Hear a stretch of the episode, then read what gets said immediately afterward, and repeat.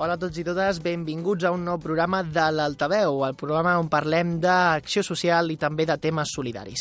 Avui, com sempre, ens acompanya el nostre company Pep Fiter Hola, bona tarda. i en Pere González de les Vies de So. En Pep avui... Eh, Una mica, una mica més bé de 10, però encara estem regulats. Molt bé, però una, mica, una miqueta millor.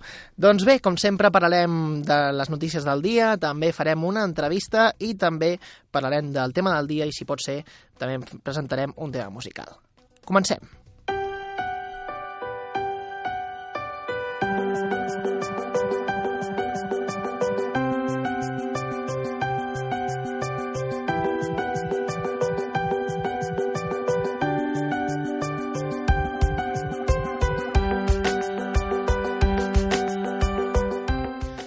Comencem amb les notícies del dia. Destaquem que a prop de 400 treballadors de la Fundació El Maresme continuen reclamant un augment de la subvenció que reben per poder afrontar la pujada del salari mínim interprofessional. En el cas del Centre Especial d'Ocupació del carrer Galícia s'han concentrat un total de 250 persones que després s'han manifestat fins a l'Hospital de Mataró amb pancartes on es podia llegir augment salari mínim interprofessional sí, finançament també, entre d'altres. El 31 de gener els centres especials de treball de tot Catalunya ja es van mobilitzar per reclamar que es mantinguin la subvenció del 50% del salari com passava fins ara. Seguim. Nova una d'asfaltat dels carrers i millora de les vor- voreres de la, per part de l'Ajuntament de Mataró. A partir d'ara i durant els propers mesos, el consistori destina 3,4 milions a l'asfaltat de 42 carrers i millora de les voreres de 39 vials.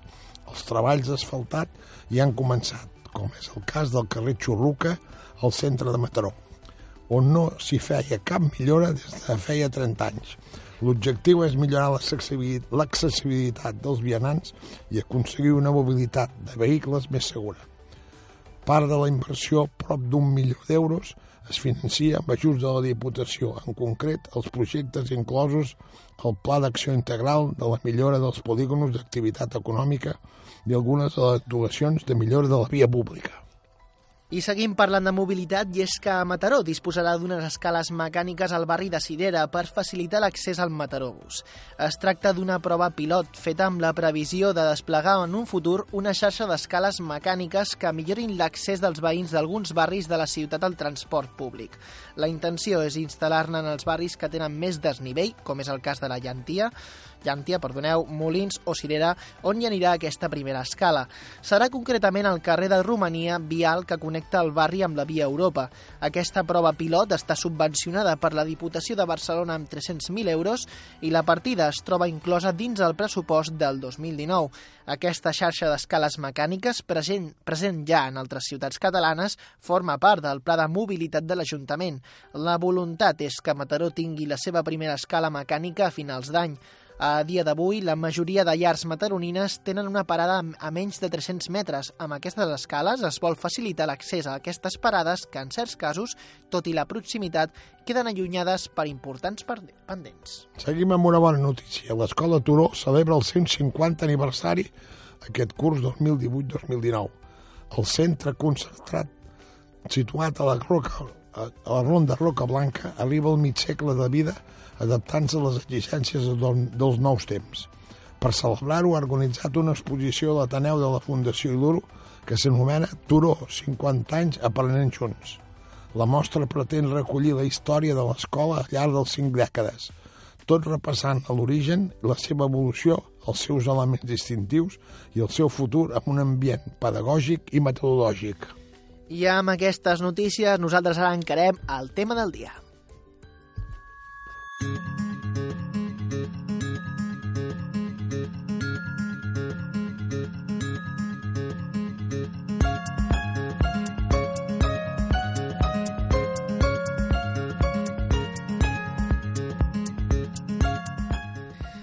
Durant el cap de setmana s'han celebrat a la capital maresmenca diferents actes relacionats amb la LGTBI-fòbia per conscienciar la ciutadania que s'ha de respectar tothom, independentment de la seva condició sexual o identitat de gènere.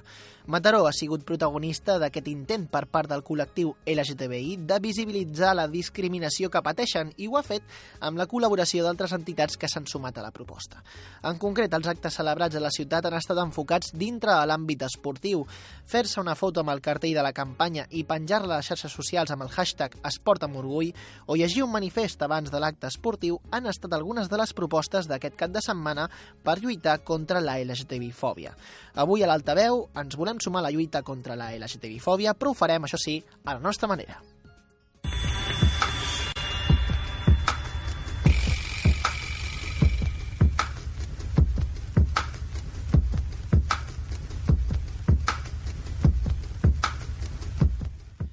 Doncs bé, comencem aquest tema del dia, Pep. Primer de tot, eh, volia preguntar si tu aquí a Mataró has vist algun cas de LGTBI-fòbia o has sentit a parlar, no només aquí a Mataró, a Argentona, per exemple. O N'he sentit a parlar, i no, més que Argentona per la tele també, no?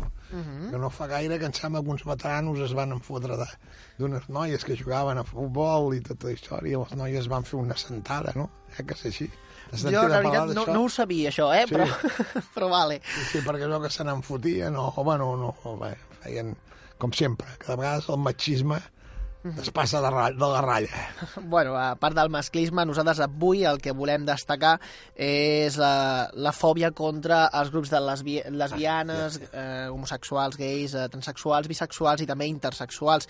I és que, eh, primer de tot, destaquem que eh, hi ha una federació aquí a Espanya, la Federació Estatal de Lesbianes, Gais, Transexuals i Bisexuals, que diguéssim que és eh, la font d'informació principal quan volem tractar aquest tipus de temes i quan volem informar de quina és la situació d'aquest col·lectiu aquí a Espanya, no? al nostre país. Uh, de fet, uh, aquesta entitat, la Federació Estatal, uh, va publicar el 2018 les dades de l'entitat ILGA Europe, vale? és una entitat que, en la qual la Federació Estatal uh, hi participa, d'acord? I, i aquesta ILGA Europe és, diguéssim, l'europea, d'acord? És un projecte europeu per la qual, mm, bueno, que lluita per la igualtat i el respecte al col·lectiu LGTBI, d'acord? I aquesta entitat, ILGA Europe, va publicar eh, un rànquing de països en el qual mm, que es col·loquen en funció del seu compromís a favor dels col·lectius LGTBI, d'acord? I segons les dades, a primer lloc hem de dir que com s'elabora aquest rànquing, d'acord? Eh, funciona en base a les lleis i normes que afecten a les persones LGTBI, d'acord? I que eh, estan en el país en qüestió. Per exemple, si Espanya aprova una llei a favor de- d'aquest col·lectiu, doncs Espanya pujaria en aquest rànquing, d'acord? I viceversa, si es treuen drets i lliber- i llibertats, des, eh, baixaria, d'acord? Um, també es calcula en base a l'impacte, d'acord? A l'impacte que té a la societat i també hi ha un, uns indicadors de benestar que segons ILGA Europe publica, no? Diguéssim, eh, en el, eh, són els que es basa per fer-ho, no? Pues en principi també els recursos familiars que tenen aquests col·lectius, també es, es mira amb lupa els discursos d'odi cap a aquests col·lectius, si hi ha, hi ha molts presents en el país, si hi ha partits polítics que hi estan Sí, en contra, en contra. Eh, també o, la o persones que... en concret, Concret, persones no? influenciables, de, noti de notorietat pública, eh, també es calcula si hi ha llibertat d'expressió cap a aquests col·lectius i també si es garanteix finalment els drets i que també seria el reconeixement legislatiu que estàvem parlant abans, no? si hi ha lleis a favor o en contra d'aquests col·lectius. No? I, ara bé, segons el rànquing actual, el primer país que defensa i procura el benestar de, dels col·lectius LGTBI és Malta, d'acord? Malta és el primer Curiós, país. Molt bé, i ara si voleu us diré els 10 primers i eh, després farem un anàlisi. No? Primer tenim Malta, després Bèlgica, seguit per Noruega, Regne Unit, Finlàndia, França, Portugal, Dinamarca, a la novena posició tenim Espanya i a la desena Suècia. Vale? Però en total hi ha uns 49 països, vale? en els quals s'han analitzat, i l'últim, que seria el pitjor de tots, seria Azerbaijan, d'acord? Azerbaijan és el país on menys es respecten No, eh, aquests col·lectius, d'acord? Ara bé, Espanya sempre ha estat en, a la novena posició? Doncs no, d'acord? El primer rànquing que va fer Ilga Europe va ser el 2010 i Espanya estava a la cinquena posició. Des... Hem perdut pistonada, eh? Sí, hem perdut, però és que el 2011, Pep, estàvem a la segona plaça. Estàvem a la segona plaça. El 2012 vam passar a la tercera. El 2013 un altre cop a la cinquena. A la 14, a la, el 2014 a la tercera. El 2015 a la sisena i el 2017 a la cinquena posició. I hem baixat, com us he dit abans, a la novena, eh, ara, el 2018-2019, d'acord? Què passa? Uh, el que va fer que el 2019, el 2017, perdoneu, Espanya uh, passés de la sisena a la cinquena posició, pues, uh, va ser la proposició de llei contra la discriminació per orientació sexual, identitat o expressió de gènere i característiques sexuals i igualtat social de lesbianes, gais, bisexuals, transexuals, bueno, transgènere, intersexuals. Bé, això es resumiria a la, a la proposició de llei sobre llei d'igualtat LGTBI, d'acord? Um, la Federació Estatal d'aquest col·lectiu proposa que es recuperi aquesta iniciativa perquè Espanya pugi en el rànquing novament, d'acord? A més, eh, segons la Federació Estatal de Lesbianes, Gais i Transsexuals i Bisexuals, és que eh, el factor que ha fet que Espanya no baixés de la novena posició cap a... En, encara baixés menys, el que ha fet que es mantingués, ha sigut que les comunitats autònomes eh, diguessin que han fet legislacions específiques que d'alguna forma defensen aquests col·lectius.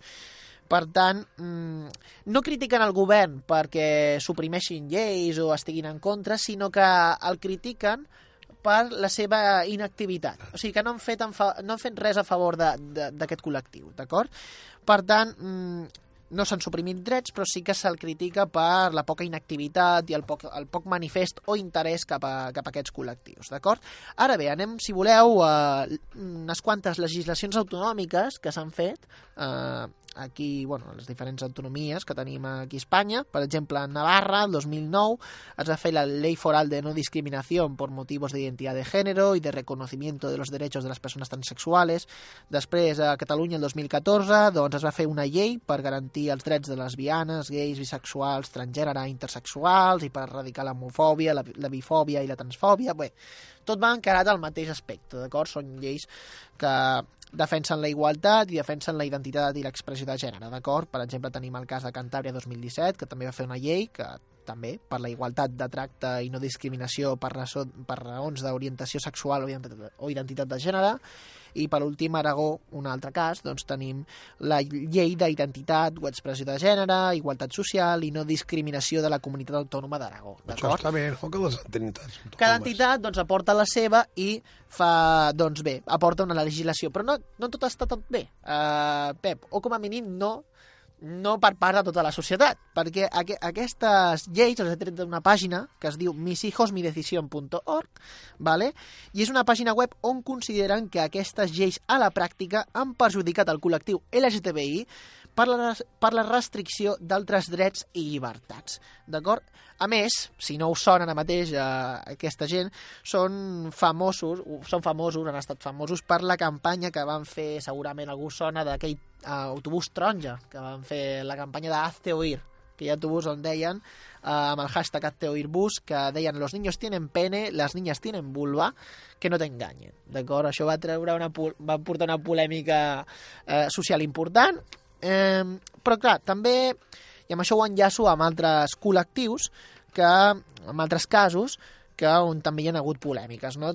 Molt segurament a algú ja els estarà rodant pel cap el partit de vots, diu Vox, vale? No parlaré jo de les declaracions en Santiago Bascal, però sí que us podria destacar eh, alguns punts del programa electoral que són, podrien considerar-se per aquests grups una mica polèmics, no? I també per més gent. Per exemple... Eh, És difícil que els apoyin.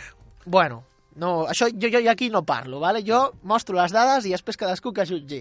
Uh, el fet és que el, a la seva pàgina web tenen un programa electoral de, amb 100 punts, vale? I bé, he destacat els tres que podrien relacionar-se una mica amb aquests casos i que, per exemple, el punt 56, que està dins la franja de salut, doncs ells defensen que s'ha de suprimir a la, a la sanitat pública les intervencions quirúrgiques alienes a la salut, com pot ser el canvi de gènere o pot ser també el tema de l'avortament.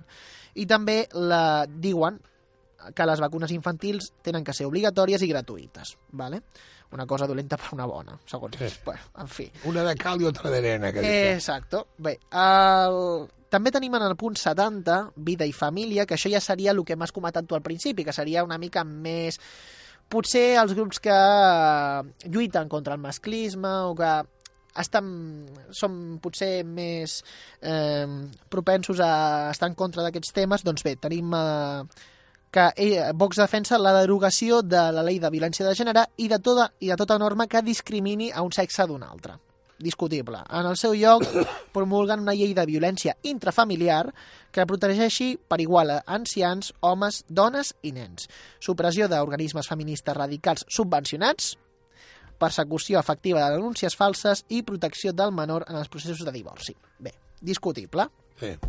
S'hauria de, de mirar. I per últim també, eh, en el punt 82, tenim llibertats i justícia, d'acord? Que eh, diguéssim que defensen eh, el fi de les subvencions públiques a partits polítics i les seves fundacions, sindicats, patronals i organitzacions que, segons ells, eh, promulguin el proselitismo ideológico. ¿vale? Qui no sàpiga què és això, ho he buscat, i el proselitismo ideológico, diguéssim que és l'intent d'una entitat de convèncer a les persones perquè s'uneixin a la seva causa. O sigui, agafant aquesta frase amb pinça, jo crec que cap partit, ni cap sindicat, ni cap, sub, ni cap entitat eh, es quedaria lliure de la sub, quedaria lliure d'aquesta subvenció, d'acord? O sigui, tothom, ningú rebria subvencions públiques, ¿vale?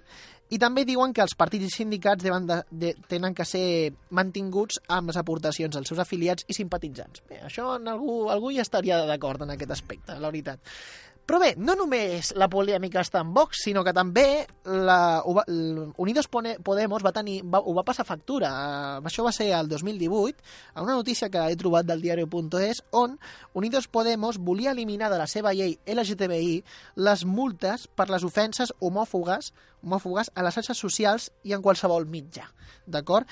Um, per què vam rectificar? Doncs perquè el, el col·lectiu LGTBI uh, es va queixar ja que vulnera les pròpies llibertats d'expressió. Vale? Llavors, perquè de fet aquesta llei, el que, el que, aquest manifest de, de Podemos, aquesta llei, aquesta proposta, el que, el que feia inclús era eh, es podien destruir text o manifestacions en contra de l'LGTBI sense, sense, sense ordre judicial. O sigui que automàticament si hi ha alguna cosa en contra de l'LGTBI o que es considerés ofensiu, sense judici, t'ho podien eliminar. Per tant, doncs, els, els mateixos col·lectius LGTBI doncs, eh, es van manifestar en contra d'això. D'acord? I amb això passaríem a una, un fet que amb un fet que va, va passar l'any passat a, a Madrid.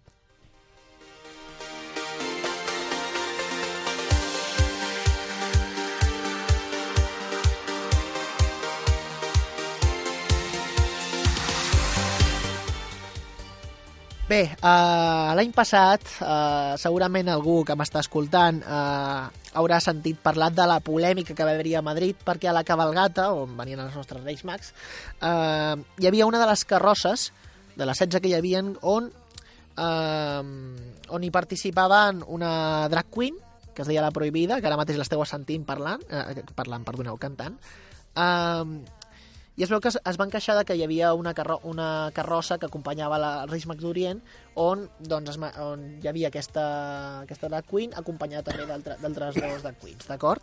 I va haver-hi la polèmica perquè la gent deia que això posava, es posava diguéssim, anava en contra de la tradició, no? que substituïssin els Reis Mags d'Orient i tal. Bueno, es va crear un bulo i uns rumors i la polèmica, eh, internet hi va estar servida, d'acord? Què passa? Uh, la realitat és... Uh, bé, aquesta carrossa, abans de res, amb el lema carrossa, carrossa per la igualtat i diversitat, Orgullo Vallecano, d'acord? I aquí va entrar una mica al debat, no? És a dir, què és més, més prioritat? Uh, la tradició, uh, que hi hagi transformisme, canvi... En fi, eh, la gent doncs, es va anar espantada perquè deia que no volien que els nens, alguns, no volien que els nens veiessin això a la cabalgata de Reis, no? que perjudicava a la religió, o, bueno, perjudicava la tradició, perdoneu, la tradició, la tradició, d'acord? Però clar, això va ser diguéssim, va passar, o sigui, van participar, però no van substituir els Reis Mags d'Orient, d'acord? La gent pensava que els substituirien, substituirien aquests Reis Mags d'Orient per uh, aquestes drag Era una cosa més. Era una carrossa a part que anava amb la Peppa Pig i anava amb uh, la patrulla canina i amb la resta de carrosses que hi participessin, d'acord? Què passa? Que clar, això doncs, mm, doncs va generar un debat, una gran polèmica, i llavors jo aquí doncs, t'ho volia manifestar, és a dir... Eh, tu què penses, Pep? Eh, és a dir, eh, fins a quin punt... És a dir, arriba, hem arribat fins a, fins a, a aquest punt, no? Fins a que la gent no tolera aquestes coses o també altra gent que mm, no respecta les tradicions. És que, clar, no. és un debat una mica complicat, complicat perquè... Més amb la cabalgata de Reis, que és una cosa molt tradicional, eh? Perquè jo, per exemple, estic a favor de que la cabalgata de Reis han d'anar els tres mags d'Orient i doncs no s'ha de substituir els Reis Mags, no. que són els nostres Reis Mags, per eh, altres una... persones o altres entitats, etc. No? Però clar, tampoc estic en contra de que si una carrossa vol participar a part, i que formi part de la cabalgata, doncs per què no? És a dir, si m'haig de menjar, la, de menjar les carrosses amb els anuncis de cort inglès, a, a les sèries de dibuixos animats, a cap i a la fi és per passar-s'ho bé, també. O sigui, eh, vaig llegir un article del País on hi havia, no me'n recordo ara el periodista, on deia que... Eh, o sigui, la, a, a, la cabalgata de Reis és una de les de les, la cavalcada, perdó, la cavalcada de Reis és una de les més transformistes que hi ha, més que el Carnaval i que altres, altres festes. És a dir, és una, és una, la cavalcada és una, un acte on es pot, es pot introduir qualsevol cosa, realment, a part sí, dels sí, Reis. O sigui, um, però clar, aquí també amb, la poli, eh, amb, la, amb, amb, aquest, amb aquesta espiral de lo políticament incorrecte, de, en trobem també a una diputada de Podemos, que Podemos por Alicante, que es diu Rita Bosajo, que criticava l'Ajuntament de, del COI que utilitzessi patges negres perquè, i demanava la seva eliminació perquè això simbolitzava la xenofòbia i el racisme i... No, eren, eren patges negres o patges o blancs pintats de negre?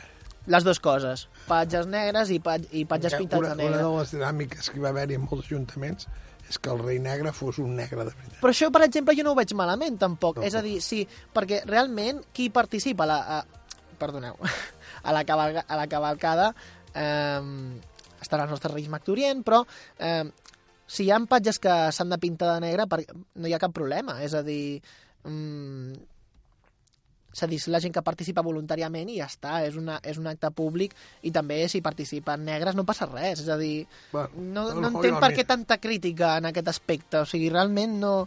De fet, aquesta dona, Rita Bosajo, va ser desautoritzada pel seu propi partit, d'acord? I per l'Ajuntament del COI que va dir que era una tradició que es feia sempre i que no, mai havia portat problemes i per tant no, no s'havia de bueno, no s'havia de, de, de fer res en contra, no? Però, en fi, jo crec que hem de mantenir el, el diguéssim, l'entremig, no? De no destruir la tradició, però tampoc ser diguéssim... Massa rígids per no, massa rígids, exacte. per no introduir... És a dir, si no, no se, sigues tolerant i ja està. És a dir, doncs mira, si no t'agrada, no t'agrada, però no fa falta fer un crit de guerra per suprimir-ho tot o per...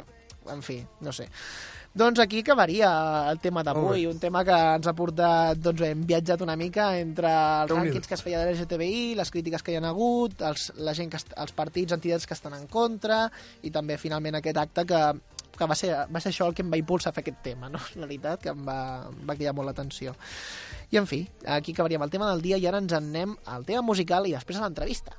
Som. Oh.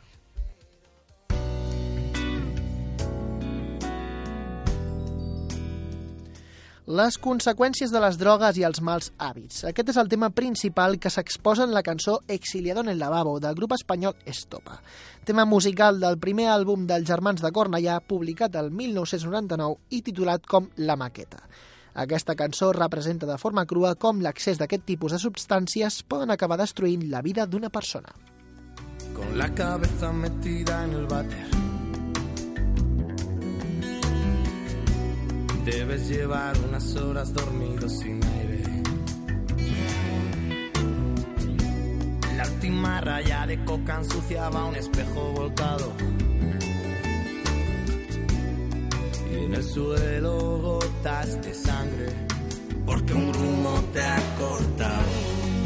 Dime cómo ves el mundo, exiliado en cada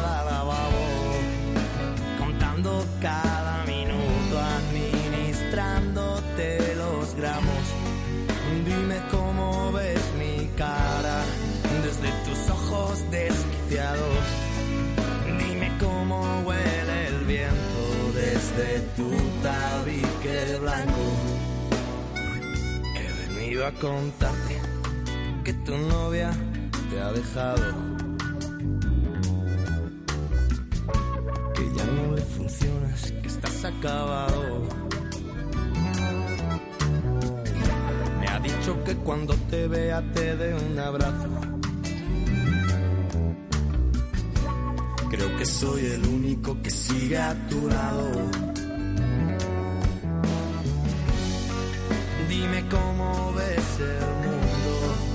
Exiliado en cada lavabo, contando cada minuto, administrándote los gramos. Dime cómo ves mi cara desde tus ojos desquiciados. Dime cómo huele el viento desde tu tabique blanco.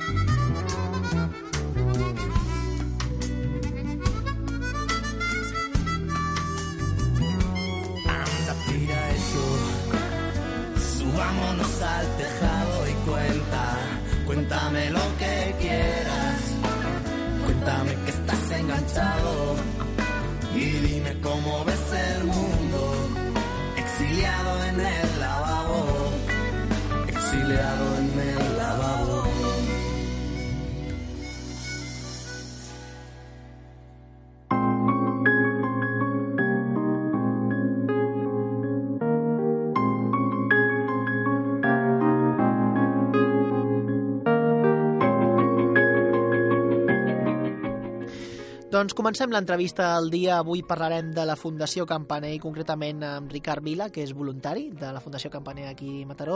Bon dia, Bon dia, bon dia, Ricard. Uh, bon dia. Ricard, eh, en primer lloc destaque... recordem que la Fundació Campaner aquí a Mataró, o sigui, és una entitat a part, o sigui, forma part de la seu principal que està a Mallorca, però no és la, diguéssim, no és l'entitat principal. Efectivament, sí, sí. Val. Uh, mirant per la vostra web, uh, he trobat, diguéssim, un destacar una frase que m'agrada molt. Ayúdanos a luchar contra el ladrón de sonrisas. Mm. I quin, quin significat abarca aquest, aquest eslògan, aquest lema? O sigui, què intenteu recollir? Uh, a veure, nosaltres, clar, la Fundació, la seva raó de ser va ser a través d'una enfermetat mm, prou desconeguda aquí, que és l'enfermetat del Noma, val? que és una enfermetat que el que fa és que es va menjant les parts, comença amb una gingivitis i mica en mica es va menjant les parts toves de la cara, no? D'aquí el lema, perquè, clar, va destrossant la cara i llavors el que una mica de dir, escolta, doncs anem a recuperar aquest somriure que en certa forma se'ls està se'ls està prohibint en els nanos que tenen aquesta enfermetat, no? De fet, no només eh, lluitar contra el nom, sinó que també, segons la pàgina web, teniu diferents projectes distribuïts en àrees. Per exemple, teniu l'àrea de prevenció, que és la, es basa en la construcció de pous d'aigua, microcrèdits i cercats pel cultius. També teniu eh, educació, que teniu una escola de IADIFA, sinó que la Fundació també, eh, diguéssim, s'expandeix una mica, no només en, en lluitar contra la, la malaltia, sinó que també eh, donar una millor qualitat de vida a aquestes persones, no? Eh, és que una de les coses per poder combatre aquesta enfermetat és treballar totes aquestes altres, perquè, clar, si tu d'entrada ja fas una prevenció eh, buscant i eh, informant sobretot de que aquesta enfermetat no és un dimoni, perquè ells com creuen aquests són animistes, molts, doncs creuen que això estan endimoniats, no? I, i llavors, doncs, el, el, això el que fa és que si tu, per exemple, els si crees, o sigui, els si construeixes pous, tenen aigua per menjar i per poder rentar-se, perquè un dels motius de la noma és justament mala higiene i mala alimentació, val? Uh, si els hi ensenyes també a cultivar, perquè, i sobretot el tema dels cercats, dels cultius, perquè si els animals no vinguin a menjar-se el que ells ja estan cultivant. Clar, totes aquestes coses molt simples que aquí són òbvies, Estan... allà, allà no són tant. Eh? I llavors aquestes prevencions fa que cada vegada doncs, aquesta enfermetat eh, és més eradicant, no? Inclús abans de tot el tema del Boko Haram van sortir molt, molt, molt pocs casos perquè justament es feia aquesta prevenció. Perdona, i- Ricard, ja que és relativament fàcil eh, de- de- desfer la- l'enfermetat a base de d'injecció d'un Eh, medicament. sembla mentida, però sí. és que el problema és que ells en allà no la tenen, eh, aquesta... perquè, de fet, amb, amb una injecció de penicilina ja es comença a parar, i amb dos o tres injeccions pràcticament l'enfermetat ja està parada. O sigui, és una cosa molt simple, són in simples injeccions. El problema que hi ha, aquesta medicina no la tenen, la penicilina no hi és, allà no exis eh, existeix la que nosaltres li, li portem, no? Però el problema no ve més per l'enfermetat en si, de dir, escolta, pues, jo l'estic parant i ja està, no. Com li ha destrossat la cara, eh, tot això després s'ha d'arreglar, perquè Cirurgia, una mica de i cirurgia. llavors s'ha de fer una cirurgia, que això ja és lo complicat, no?, d'aquesta enfermetat. I després també està el perill de que la, la malaltia torni, no? No, no torna si, si tens altra... Perquè no és una enfermetat contagiosa, no és una enfermetat que ens transmet, és una enfermetat per la mala nutrició i mala higiene. I és una enfermetat que mm, torna si tornes a tenir mala higiene i tornes a tenir mala Si, si alimentació. descuides la persona, vaja. Clar, per això també el tema de l'escola. Clar, l'escola, què fa? Controlem aquests nens. Això és molt important, perquè si venen a escola ja els tens... Almenys els hi, els hi eh, anem a dir, ens assegurem que tinguin una menjada al dia, que nosaltres diem, que és la menjada que fan a l'escola. Això pels pares també els hi treus una, una, un pes, perquè sí, a més a més, és per als, allà el menjar és, és quasi, quasi un privilegi. Aquí nosaltres obrim la nevera, anem al supermercat i això no hi ha problema, però és allà un privilegi. I, i fins i tot mengen per escalat, des de primer l'home, després la dona, després el fill i després la filla. Per això les nenes, sobretot, són les que tenen més malalties a l'hora del noma, perquè són les últimes que mengen i les que tenen menys cuidado amb això, no? Quants anys fa que esteu fent aquesta ajuda eh, amb- aquí? Nosaltres, a, a, concretament a DIFA, que és on hi hem estat, hem començat, ara farà 22 anys. I en aquest període de 22 anys l'enfermetat ha anat decaient, o sigui, s'ha Ha anat, anat guanyant, en certa manera. S'ha anat guanyant. El que passa que arrel del Boko Haram, que, perquè DIFA hi ha el problema que fa, eh, i el Níger, fa frontera amb Nigèria.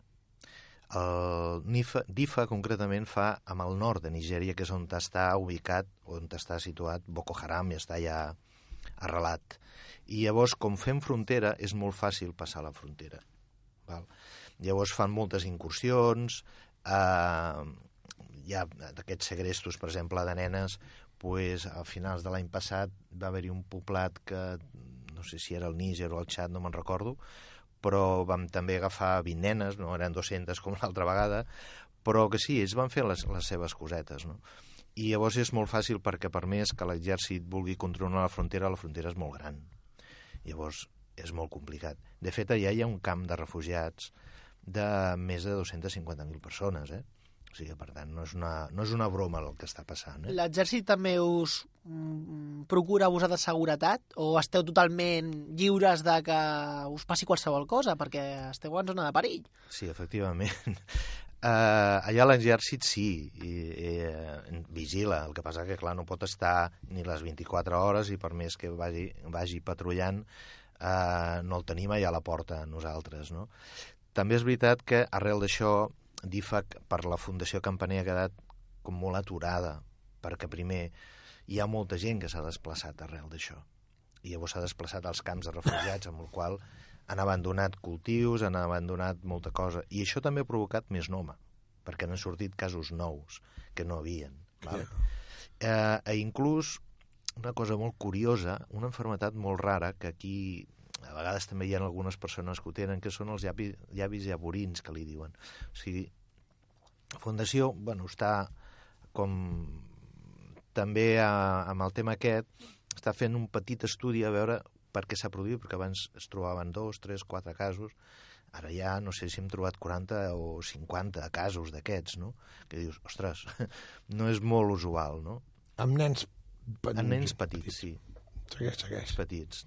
Uh, ara m'he perdut el fil, eh? No, que parlaves dels llavis, d'una cosa a l'altra i llavors... dels llavis de llapurins. Sí, a veure, amb el tema d'aquest de- d'aquestes enfermetats, clar, ja nosaltres l'activitat nostra ha quedat una mica aturada. Llavors, eh, què hem fet? La casa de DIFA es manté oberta perquè és un punt de referència per la gent que té aquest tipus d'enfermetats i ens ve, val?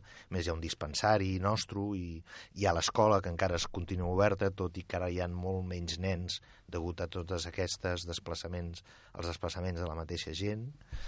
I, i ara com ja teníem una casa a Niamey, que és la capital, a 1.500 quilòmetres al nord, i allà ja és més segur, perquè clar, hi ha el govern, ja potser està fins i tot més, mm, més cuidat amb això, no? I, i llavors les nenes que teníem a la casa de DIFA les hem traslladat, inclús, inclús els treballadors que han volgut anar també. Llavors la tenim oberta, amb uns mínims, però que la, la Fundació Adifa pues, continua fent fins i tot eh, informació dintre dels poblats per intentar pues, que la gent també buscar nous casos, però Això seria la, la, les campanyes de, sensibilitza, de sensibilització que també proposeu o heu posat a la Exacte. vostra web, no? És a dir, que no, no, o sigui, feu... Prom... Diguéssim, ensenyeu, els, expliqueu una mica què és la malaltia i també pot ser que, diguéssim, els inciteu a que, a que acudeixin a vosaltres, no? Per, per Exacte. si necessiten ajuda. Exacte, perquè ells es troben com molt desemparats allà al, al poblat, quan troben un nano així es pensen que, ostres, que allò és, és, un, és produït per, un, per als dimonis, no? I llavors, doncs, diem, escolta, no, una malaltat, molt fàcil de curar, si ho detecteu, veniu i, i l'arreglem, no? I aquesta feina mateixa, ara mateix, també s'està eh, començant a fer als voltants de Niamey, perquè tot i que Niamey és una capital, eh, la situació dels, de, a la que surts fora de la, de, de la mateixa ciutat és, el, és de zeros i per tant és, la situació és la mateixa que a Difa, no? És que de fet el Níger és un dels països més pobres del món, eh? Eh, L'amic Pep Can, Campaner. Campaner, si passa eh, és any, mesos de l'any ja, Uh, ara mateix no, perquè el problema, Pep Campaner té un problema de cor i llavors ha d'estar molt, molt, molt vigilat. Uh, però ell, de tant en tant, sí que ell s'hi apropa, uh, no tot el que voldria, el que sí que té són persones de confiança. Una mica per entendre'ns.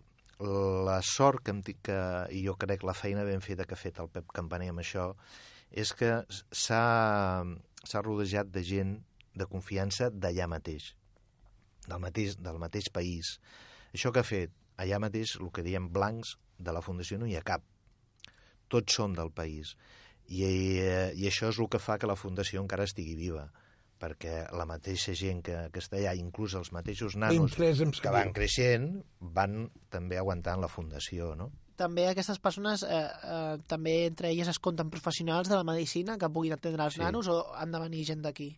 Hi ha algun, i, eh, però el que fa la Fundació és, per exemple, amb les operacions dels llavis purins que ara estem fent, eh, doncs els detectem i els contractem uns metges i unes infermeres per, per fer-les, no? I ara com està aquest tema de la contractació? És a dir, amb tot el tema de Boko Haram, els, els conflictes bèl·lics eh, i polítics que hi ha allà, és a dir, com està aquest tema de la recaptació de voluntaris i treballadors per la Fundació? A veure, ja n'hi han, perquè la gent hi viu. O sigui, per tant, hi ha un hospital a Difa, o no ben bé a Difa, però a prop de Difa hi ha un, una... A veure, l'hospital que nosaltres aquí ens imaginem com aquí, no hi són. Hi ha un hospital, potser en té màxim quatre habitacions, cinc habitacions, o per tant, són hospitals que tu veus la fotografia i dius, ostres, això és un hospital? Doncs sí, això és un hospital. Eh, llavors, ja hi ha metges, hi ha gent que encara es manté allà i, i això és el que nosaltres estem contractant, no? I el, el que tu preguntaves de com pot afectar, doncs és una mica el que he explicat, no? Al final la Fundació això li ha afectat moltíssim, perquè ha fet, ostres, tot el projecte que teníem l'hem hagut d'aturar, eh, pous nous no us fan, eh, cultius en aquests moments sí que s'estan fent, perquè nosaltres també tenim un servei de microcrèdits que el que, el que sobretot per les dones, perquè és la que treballa allà en en de forma al camp. L'home, si li donem els diners, se'ls gasta en begudes. Llavors, treballa la dona i la dona ens torna els diners al cap de quan recunya el, el fruit, no?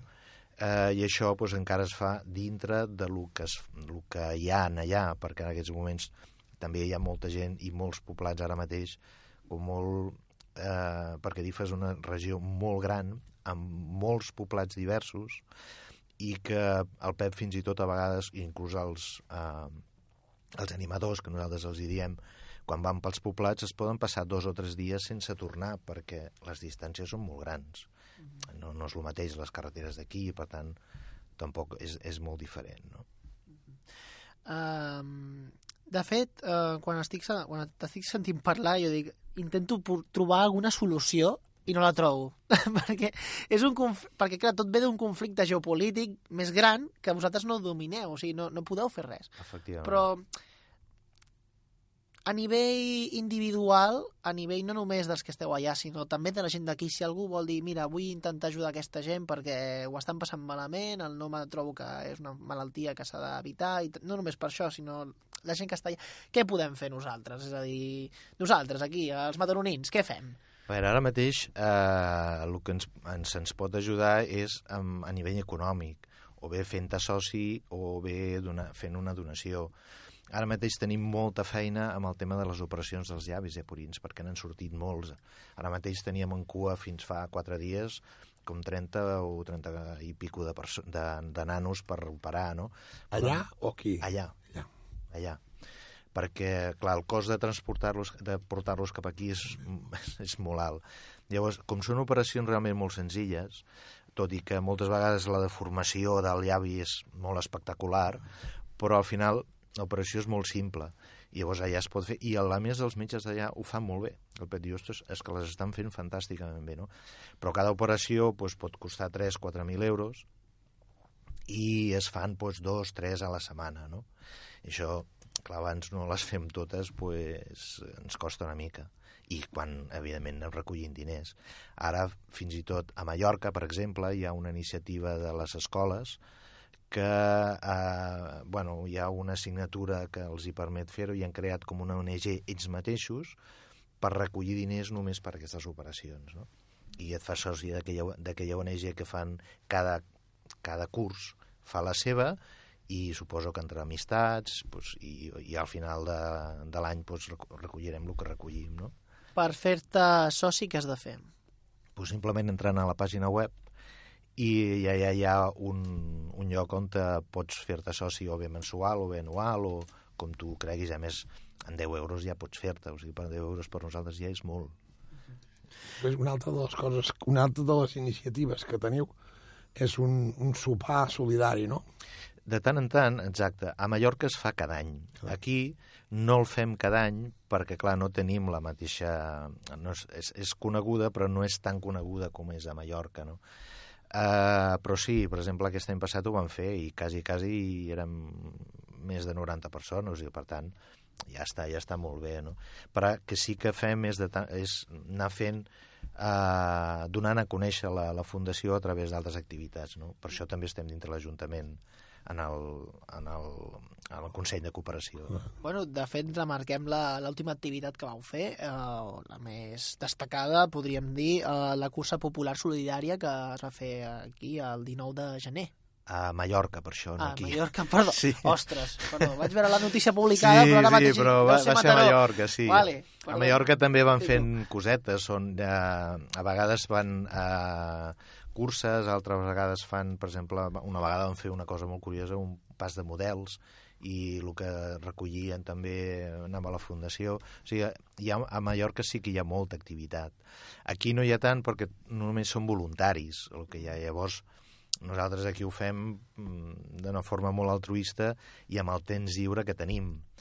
I, eh, però bueno, sí que intentem és donar a conèixer. Ja hem fet moltes xerrades, aquí a Mataró ja hem fet diverses xerrades Que, durant en diversos anys. definitiva, la Fundació va sortir perquè en Campaner va veure l'enfermetat i, va, i s'hi va posar a treballar-hi, oi? És que el Pep va, uh, va començar perquè ell va rebre a casa un, uh, una nena que l'operaven d'aquesta malaltia a Mallorca. Val? I quan la ja va estar, que l'havien la, de tornar, la nena va voler, li va demanar a veure si la podia, el podia acompanyar fins allà. I el Pep la va acompanyar i allà va veure que hi havia moltes nenes iguals que ella. Va dir, ostres, jo aquí no em puc quedar sense fer res. I, eh, i per tant ella s'hi va quedar, perquè ell va, es va passar molts anys allà, molts, visquent, i anava venint, però hi vivien allà pràcticament, no? Va deixar la seva feina i, i es va dedicar a això. I és com va crear la fundació. I és com va crear la fundació, ara fa 22 anys ja, sí. Uh, de fet, a mi m'agradaria mm, preguntar-te, ja que aquí treballeu de forma altruista i aneu fent cosetes, si teniu alguna planificació o ens podeu aquí avançar la proper, les properes activitats que fareu durant l'any.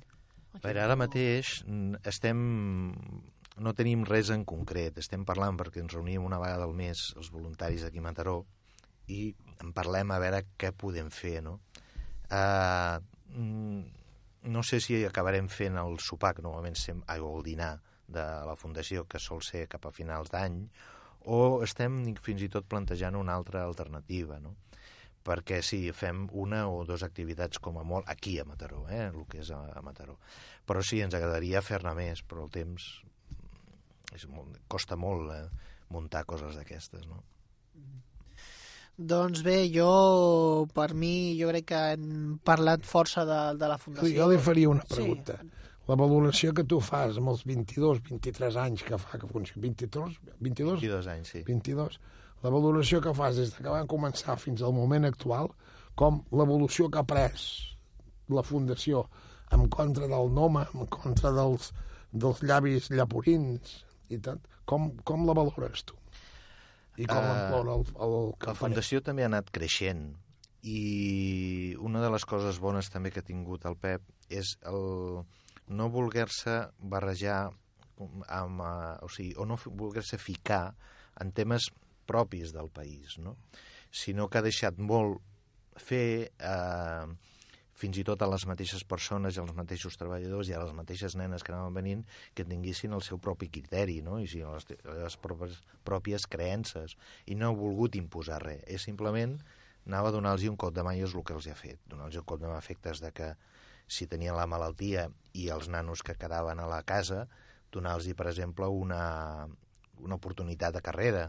Clar, això ens ajuda també, perquè si ha sortit enfermeres, han sortit paletes, han sortit eh, fusters, han sortit mestres, han sortit... Clar, tot això al final és el que fa créixer la Fundació i enriquir-la, perquè al mateix temps tu també enriqueixes aquell país i que ells mateixos vegin, ostres, que han de sortir per ells mateixos, no perquè nosaltres allà els hi posem els diners. No? Llavors, la valoració molt positiva, perquè es va aconseguir eradicar mm, pràcticament aquesta enfermetat a la zona on estàvem, perquè també hem de ser conscients que nosaltres estem només en aquella zona. Llavors, tot l'altre hi ha molts llocs, altres llocs que també hi ha aquesta enfermetat, però nosaltres estem allà, no? Llavors, us heu de limitar a un espai. No podem estar-hi a tot arreu. I llavors, doncs, eh, es va aconseguir fer molta, molt bona feina, tot i que ara estem una mica més parats, però no deixa de que també la Fundació ha pres molt. Una altra pregunta que se m'acut. La Fundació amb el govern té bona relació? Molt bona relació, sí. sí o sigui que teniu una ajuda amb el govern. I ens ajuda força. Inclús li, li demanava, o sigui, va haver-hi a l'època que no hi havia aquest conflicte del Boko Haram, del Boko Haram inclús li demanaven al PEP perquè vist com eh, anava l'escola nostra que teníem allà posada, perquè era una escola per 500 nens, que es diu aviat, eh, doncs demanava ajuda per poder eh, reobrir altres escoles en altres llocs i ajudar fins i tot a, a muntar-les, no? I potser fins i tot acabar-les d'ampliar, no? El qual això vol dir que és un reconeixement a la feina del mateix govern, a la feina que estava fent allà, no? Doncs bé, ha estat bé aquesta... Sí. M'agrada acabar amb això i bé, només dir que Ricard Vila, voluntari de la Fundació Campanem, moltes gràcies per venir avui aquí a l'Altaveu i des d'aquí us convidem a, a que sigueu vinguent perquè ens aneu explicant les properes novetats de, de la Fundació. I Moltes quan, gràcies. quan plantegis de fer un dinar o fer un sopar solidari, ens ho expliques i, Perfecte. i, exacte. i farem propaganda i a veure si... si Això anem ens força. convideu, eh? Sí, sí. Moltíssimes gràcies a vosaltres per, per deixar-nos almenys eh, fer d'altaveu eh, i que la gent ens escolti i sàpiga la feina que s'està fent. No, I a més, el que import, també el que ha sigut molt important és parlar de les dues enfermetats, tant del Noma com Sí, del perquè són molt desconegudes aquí. Sí, ja, ja. I, Són... tot i que aquí hi eren, eh? O sigui que no... Però ja no hi són. Bé. Doncs bé, moltes gràcies. Moltes Ricard. gràcies, Ricard. Vosaltres.